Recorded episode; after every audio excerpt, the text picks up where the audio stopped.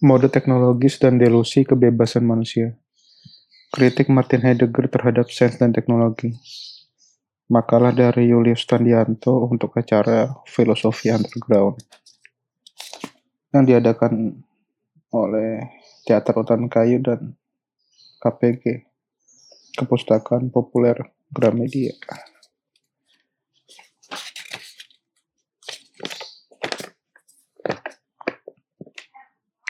Pengantar Martin Heidegger mengkritik keras sains dan teknologi.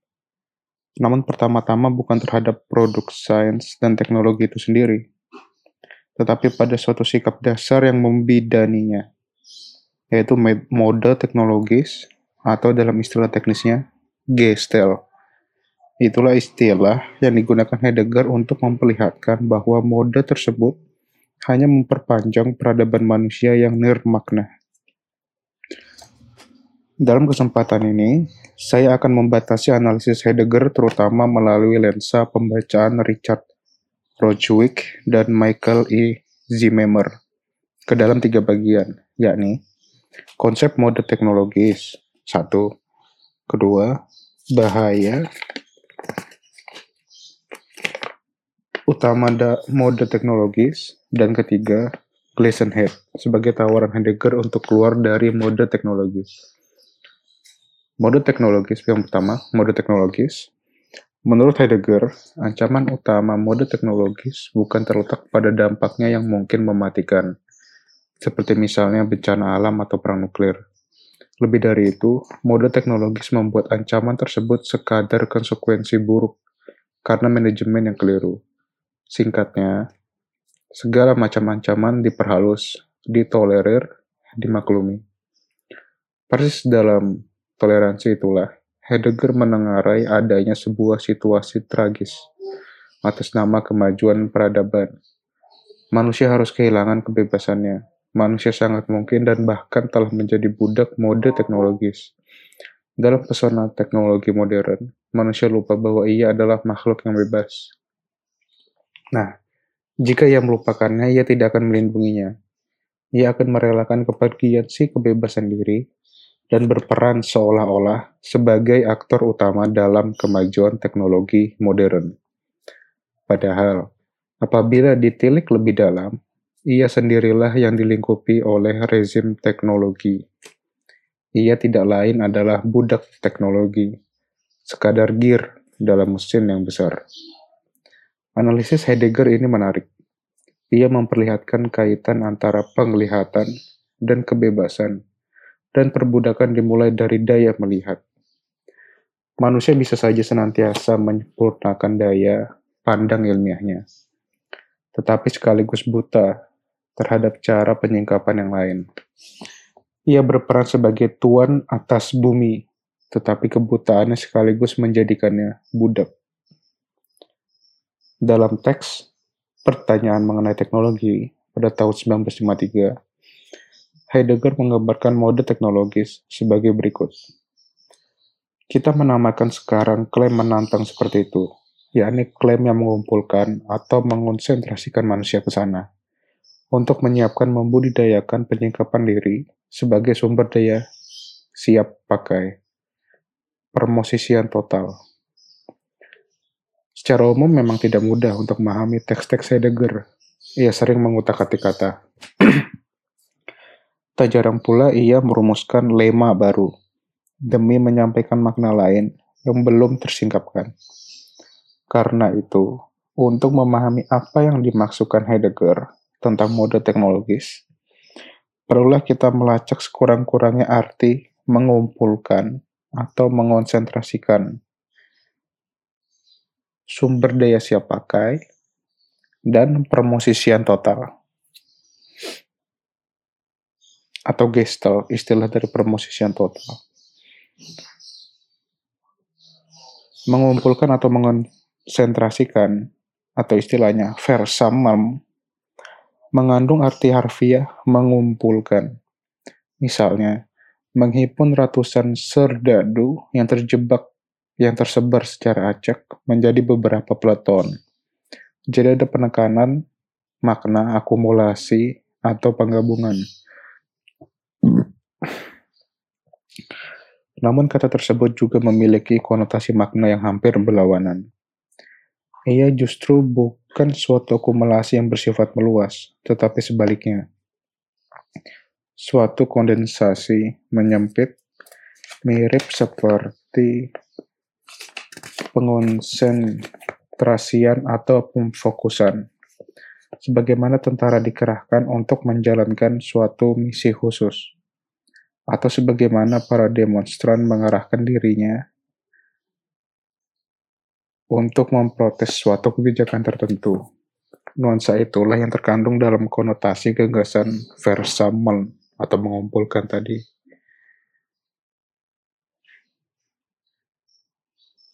Dengan demikian, ketika Heidegger menggunakan kata versamen di sini, ia memaksudkan makna ekstensif mengumpulkan sekaligus makna intensif mengonsentrasikan.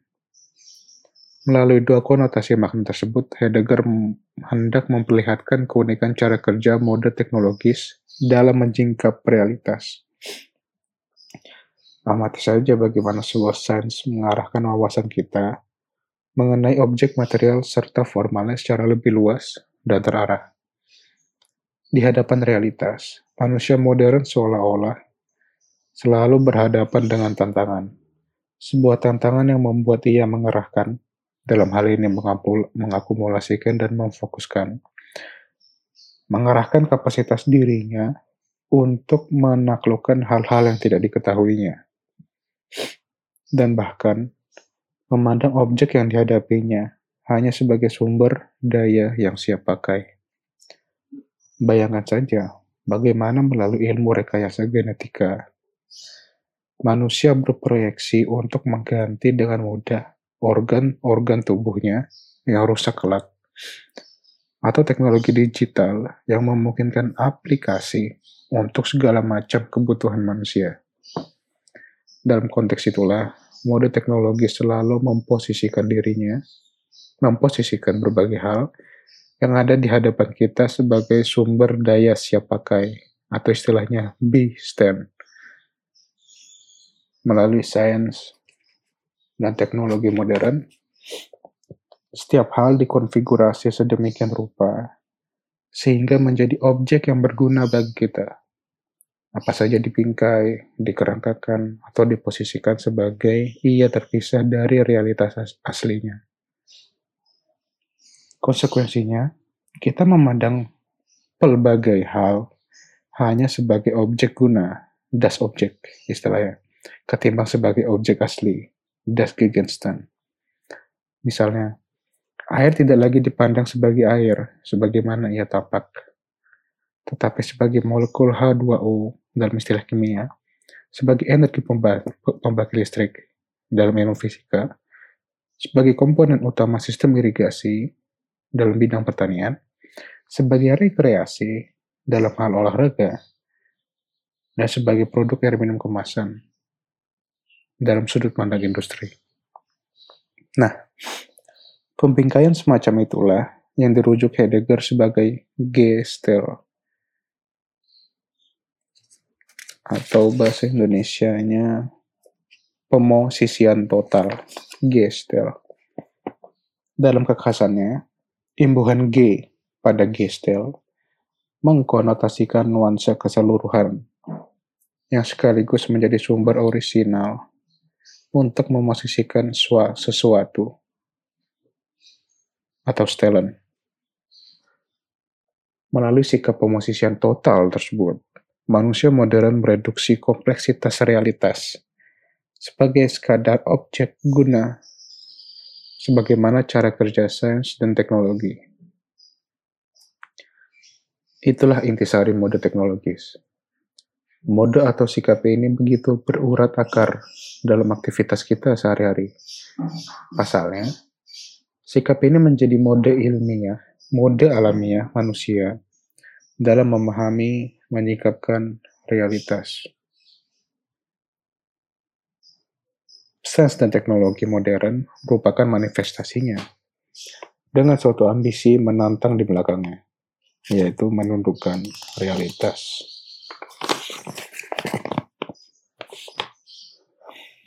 Bagian kedua, bahaya mode teknologis. Heidegger menengarai bahwa pertama, mode teknologis adalah delusi tentang hubungan manusia dengan entitas lainnya.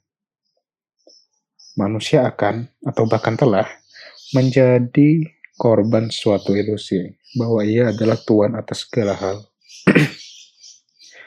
ia terjebak dalam angan-angan tentang kebebasan mutlak, penguasaan total, dan kemampuan untuk mewujudkan kehendaknya kapan saja. Melalui mode teknologis, manusia berusaha menjadi penguasa. Ia menjadikan segala objek di hadapannya sebagai sumber daya siap pakai. Namun di balik logika tersebut, sesungguhnya ia sedang menggadaikan kebebasannya. Pada mode teknologis, manusia menjadi budak gestel. Di balik bahaya pertama ini, Heidegger sebetulnya telah menyingkapkan secara implisit bahaya kedua, yaitu delusi manusia tentang dirinya sendiri. Sebagaimana cara kerja mode teknologis, objek tidak lagi memiliki otonominya. Ia sepenuhnya ditentukan oleh manusia yang memosisikannya. Nah, jika manusia cenderung memahami segala hal dalam kacamata mode teknologis, maka tak mengherankan apabila ia memahami dirinya sendiri dalam kerangka yang sama. Manusia akan menerapkan sains dan teknologi terhadap dirinya sendiri, Walhasil, ia akan mereduksi dirinya sendiri menjadi serangkaian rumusan mode teknologis. Misalnya, manusia akan memahami dirinya bak sebuah komputer canggih. Mekanismenya, apa yang akan ia hasilkan, ditentukan sepenuhnya oleh apa yang telah ia terima. Dan input tersebut dapat bermacam-macam jenisnya, bisa bersifat sosial, biologis, maupun psikologis. Walhasil manusia akan menjadi objek sense yang mereka ciptakan sendiri. Seperti pada sosiologi, biologi, maupun psikologi. Manusia menjadi objek guna. Dan tentu saja pada akhirnya ia akan merasa tidak memiliki kontrol apa pun terhadap dirinya sendiri. Dalam cara pandang tersebut, manusia tidak lagi memandang dirinya sebagai tuan, Sebaliknya, ia melihat dirinya sebagai budak. Ia tidak bebas, ia ditentukan oleh yang lain, ia menjadi sekadar roda kecil dalam sebuah mesin yang besar. Dan bagi Heidegger, pandangan semacam ini pun sebetulnya merupakan delusi. Manusia menganggap dirinya sebagai tuan atas segala hal, sama delusifnya dengan ia yang memandang dirinya tidak lain sebagai sekadar budak dari suatu sistem. Kebebasan mutlak maupun determinisme mutlak sama-sama dibangun di atas sebuah kesalahpahaman yang mendasar. Menurut Heidegger, kesalahpahaman ini dapat diasalkan dari pelupaan relasi manusia dengan ada atau sen. Dalam konteks ini, perihal ada dapatlah kita pahami secara ringkas sebagai proyek utama filsafat Heidegger. Ia menjadi sumber yang membuat Heidegger takjub. Meski demikian, ada bukanlah Tuhan. Ia juga bukan entitas. Namun persis salah paham seperti itulah yang dilakukan oleh para filsuf sebelum Heidegger. Menurut para menurut Heidegger, para metafisikus telah mengabaikan perbedaan ontologis antara ada dan entitas ontoteologis. Misalnya sebagai idea milik Platon, causa prima milik Aristoteles, monad milik Leibniz, roh milik Hegel, atau kehendak kuasa, kuasa menurut Nietzsche. Dengan kata lain, ada ditundukkan ke dalam superioritas mode teknologis. Lantas apa itu ada? Dalam kuliahnya di Universitas Freiburg tahun 1941, Heidegger meringkaskan. Ada adalah yang paling kosong dan yang paling umum. Ada adalah yang paling dapat dipahami dan yang paling usang. Ada adalah yang paling dapat diandalkan dan yang paling dapat dikatakan. Ada adalah yang paling dilupakan dan yang paling membatasi. Namun pada saat yang bersamaan adalah ada adalah kemelimpahan dan keunikan. Ada adalah penyelubungan dan sumber segala sesuatu. Ada adalah jurang tanpa batas dan penyembunyian ada adalah pengingatan dan pembebasan. Tentu definisi yang demikian tidak menerangkan apa pun kepada kita, selain jargon-jargon kontradiktif yang memaksa kita untuk terus merenungkannya. Namun sekurang-kurangnya bolehlah kita menangkap sebuah nuansa bahwa ada merupakan semacam situasi primordial yang memungkinkan kita mengap mengapropriasi realitas secara otentik. Maka, ketika Heidegger mempersoalkan bahaya utama mode teknologis, dapatlah diartikan pertama-tama sebagai mode teknologis yang mengaburkan atau menyembunyikan hubungan manusia dengan ada. Padahal, realitas yang tersingkapkan hingga hari ini merupakan kerjasama antara ada yang menyingkapkan dirinya dan manusia yang menyingkapkannya. Bagi Heidegger, kemitraan ini merupakan domain yang berkaitan erat dengan esensi manusia. Dan peran manusia dalam menyingkapkan realitas merupakan lokus harkat dan kebebasannya. Karena itu, Bahaya muncul ketika manusia tidak lagi dapat melihat esensi dirinya, yakni ketika ia menyalahpahami kebebasannya. Dan tentu saja, kesalahpahaman ini membuat ia tak lagi berorientasi untuk memenuhi esensi dirinya. Ia tidak tahu lagi cara mewujudkan kebebasannya Bahkan ia tidak lagi memandang bahwa mode teknologis mengancam kebebasannya.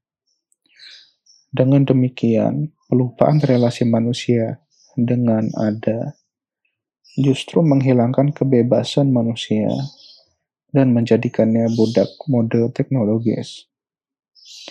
Sesungguhnya apa yang diasingkan oleh mode teknologis adalah mode penyingkapan kembarannya yang lebih primordial dan pasif, yaitu poiesis.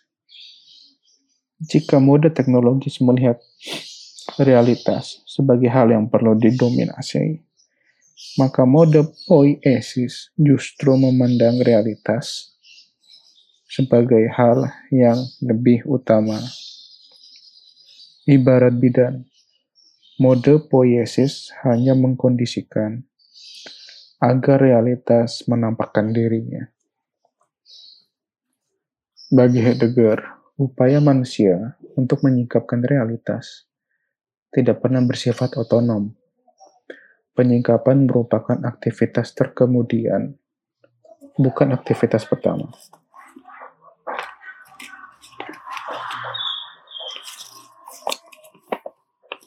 Penyingkapan adalah suatu penerimaan aktif ia tidak mendominasi, tetapi reseptif di dalam pernyataan ada.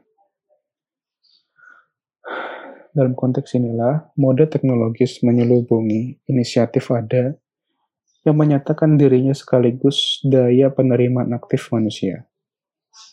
Konsekuensinya, menurut Heidegger, jelas, manusia menyalahpahami kebebasannya, Pernyataan yang bombastis mengenai kebebasan mutlak manusia tidak lain adalah wujud pelupaannya terhadap ada.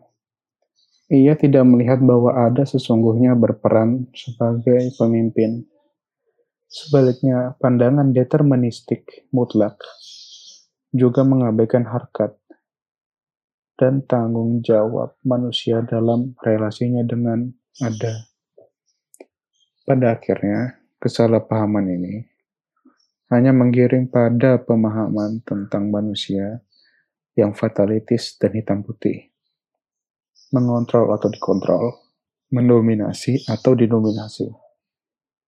Tidak ada jalan tengah di antaranya. Dengan demikian, mode teknologis beroperasi dengan logika biner, tuan, budak, maka kita menilai sains dan teknologi modern sebagai hal yang baik, buruk, ataupun netral. Kita masih berada dalam kerangka mode teknologis.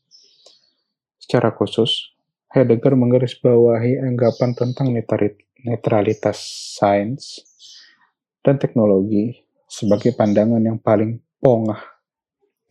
Persis di situlah mode teknologis bekerja dalam bentuk yang paling subtil seraya menegaskan dikotomi tuan budak.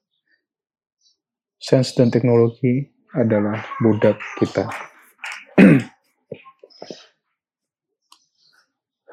Oleh karena itu, bagi Heidegger, kebebasan mencakup sikap keberjarakan diri.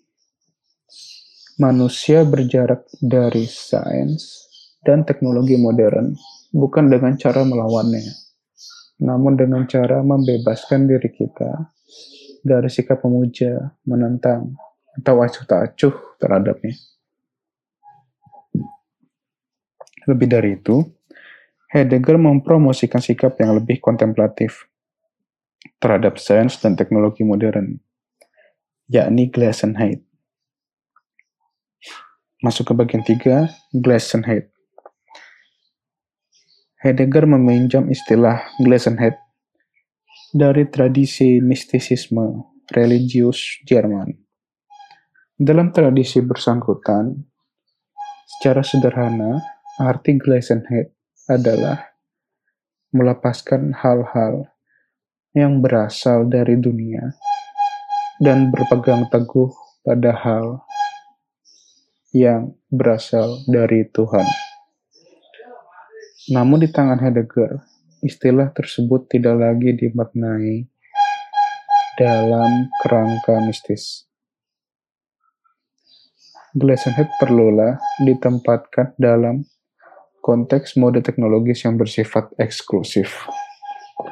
Mode teknologis begitu memasona kita, dan diam-diam menyita seluruh perhatian kita.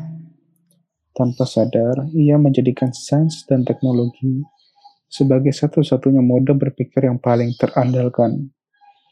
Pada momen itulah, Heidegger mengajak kita bukan untuk melawan sains dan teknologinya, tetapi ketergantungan dan kemelekatan kita atasnya. Dalam pandang Heidegger, Glassenheit menjadi semacam sikap merelakan diri untuk berada di dalam mode teknologis tetapi sekaligus tidak dibentuk olehnya. Sikap ini menegaskan pula konotasi ganda terhadap sains dan teknologi, yaitu melepaskan diri darinya sekaligus membiarkannya terus berkembang. Dengan demikian, sikap ini mengandung tidak dan sekaligus iya pada sains dan teknologi modern. Perihal sikap tersebut, berikut yang dinyatakan Heidegger dalam pidatonya berjudul Glassenheit pada 30 Oktober 19, 1955. Jika kita melalui cara ini, mengatakan ya dan tidak pada saat yang bersamaan terhadap objek-objek teknologis, Lantas bukankah sikap kita terhadap dunia teknologis menjadi ambivalen dan tak pasti? Justru sebaliknya, sikap kita terhadap dunia teknologis melalui cara yang menakjubkan ini menjadi sederhana dan tenang. Kita membiarkan objek-objek teknologis masuk ke dalam kehidupan kita sehari-hari, dan sekaligus pula membiarkan mereka di luar. Dalam hal ini, membiarkan mereka sebagai hal-hal, yakni bukan hal-hal yang mutlak, tetapi yang bergantung pada yang lebih tinggi. Saya menamakan tindakan ini yang mengatakan ya sekaligus tidak terhadap dunia teknologis dengan sebuah kata. Ketenangan batin terhadap hal-hal. Jadi, glass and head merupakan sikap berjarak pasif aktif terhadap mode teknologis. Ia tidak menarik diri dari dunia teknologis, sebagaimana kaum mistikus menarik diri dari dunia ia tidak menolak keterandalan sains dan teknologi modern. Ia hanya menolak eksklusivitas mode teknologis. Ia mengakui pula bahwa makna sains dan teknologi bergantung pada sesuatu yang lain. Persis dalam momen itulah, Heidegger menambahkan kita terbuka terhadap sesuatu yang misterius. misteri, sebagaimana ia menampakkan dirinya bagi kita, dan sekaligus menyembunyikan dirinya dari kita. Ia adalah yang terdekat, dan sekaligus yang terjauh dari kita. Ia adalah yang paling nyata, dan sekaligus yang paling terabaikan. Ia adalah yang pertama, sekaligus yang terakhir diketahui. Ciri-ciri ini tentulah mengingatkan kita pada misteri ada itu sendiri. Maka bersikap terbuka terhadap misteri berarti juga berelasi dengan ada. Heidegger juga menyatakan bahwa Glesenheit pada gilirannya akan menghadirkan kepada kita sebuah visi mengenai keberakaran pada tanah aslinya. Visi ini diistilahkannya sebagai Bodenständigkeit secara, secara karikatural, keberakaran yang dimaksud boleh dipahami seperti rasa kemelekatan pada kampung halaman. Tapi kampung halaman dimaksud tidaklah merujuk pada tanah kelahiran dalam pengertian harfiah. Kita seperti berada di rumah. Dan bagi Heidegger, perkara itulah ada itu sendiri dalam merefleksikan zaman internet kiwari, kita perlu mengakui bahwa sebagian besar kita larut dalam mode teknologis. Piranti-piranti digital seolah menjadi bagian tubuh yang tak terpisahkan dengan aktivitas rutin kita sehari-hari. Mereka menawarkan berbagai kemudahan dalam suatu sistem algoritma jejaring yang canggih demi efisiensi kerja. Dan untuk berbagai kebutuhan kita selalu tersedia aplikasinya. Dalam kacamata Heidegger, kemudahan tersebut adalah sebuah paradoks. Apakah dengan sistem komputasi terkini, kita betul-betul dapat menghemat waktu kerja atau malah memperbanyak tuntutan kerja baru yang dihadapkan bagi kita.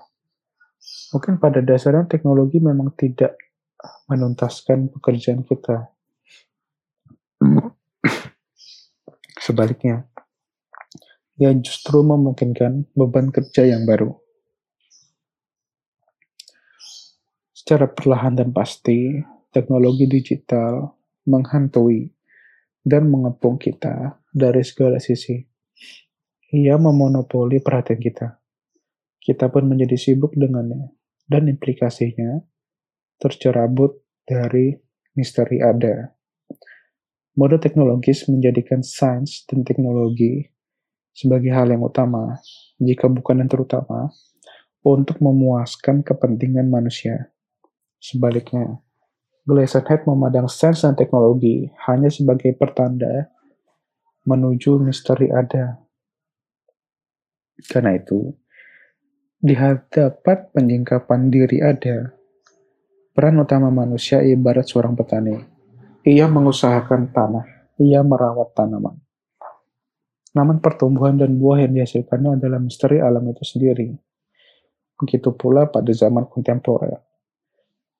Peran otentik manusia terletak pada kontemplasi mengenai ada melalui sains dan teknologi. Bagi Heidegger, kontemplasi berarti memprioritaskan penyikapan diri ada di atas kemampuan manusia untuk menyikapkannya.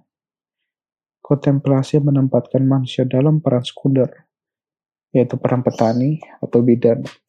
Kontemplasi menuntut kita untuk bersikap dalam mode poiesis ketimbang mode teknologis. Bersikap kontemplasi, Heidegger berharap esensi manusia mungkin dapat tumbuh kembali Apakah tidak mungkin ketika keberakaran pada tanah asli yang lama telah hilang, sebuah landasan dan tanah baru kemanusiaan diberikan kembali. Sebuah tanah dan landasan yang darinya esensi kemanusiaan dan semua karyanya mungkin tumbuh kembali melalui kekasan cara baru tersebut. Bahkan di zaman atau masuk ke bagian penutup. Analisis Heidegger mengenai mode teknologis boleh jadi cocok dengan situasi kita sehari-hari yang begitu memprioritaskan sains dan teknologi. Di hadapan habitat tersebut, Heidegger mengajak kita untuk bertanya, sejauh mana kita diperbolehkan untuk melakukan hal-hal yang mampu kita lakukan. Melalui pertanyaan reflektif tersebut, Heidegger menunjukkan sisi kelam kemajuan modern yang mengumbar jargon-jargon tentang kebebasan individu, rasionalitas, toleransi, dan solidaritas universal. Faktanya, sains dan teknologi modern malah memaklumkan risiko perang nuklir, malapetaka alam, dan bentuk-bentuk totalitarisme baru. Bagi Heidegger, Mode teknologis justru mengaburkan esensi manusia. Ia meraih manusia ke dalam keruwetan, kerutinan, dan suka duka urusan sehari-hari. Lantas, ia pun menyuburkan delusi-delusi tentang kebebasan, sehingga manusia melupakan relasi dengan situasi misterius paling primordialnya apa artinya mengada. Oleh karena itu, Heidegger menawarkan suatu sikap berjarak, sekaligus menggeluti lebih dalam terhadap kecenderungan alamiah kita yang selalu larut dalam mode teknologis. Glassenhead, menurutnya, menjadi disiplin untuk menajamkan kepekaan kita, pertama-tama terhadap penyingkapan diri ada di dalam lintasan semangat zaman terkini. Syahdan, mungkin kita akan menemukan kembali esensi kemanusiaan kita. Sayangnya, di sisi lain, prioritas ala Heidegger tersebut menyamarkan relasi mendasar lainnya. Misalnya relasi autentik antar individu. Perjumpaan si aku dengan wajah orang lain ditunda demi ketakjuban misteri ada itu sebabnya tanggung jawab moral terhadap sesama manusia absen dalam analisisnya. Sebagaimana Heidegger sendiri terlibat dalam rezim Nazi dan menjustifikasi Holocaust. Karena itu, tanpa autentisitas etika, implikasi analisis Heidegger mengenai mode teknologis mudah dibonceng dan dimanipulasi oleh kalangan fundamentalis menjadi bentuk totalitarisme lainnya, faça esse.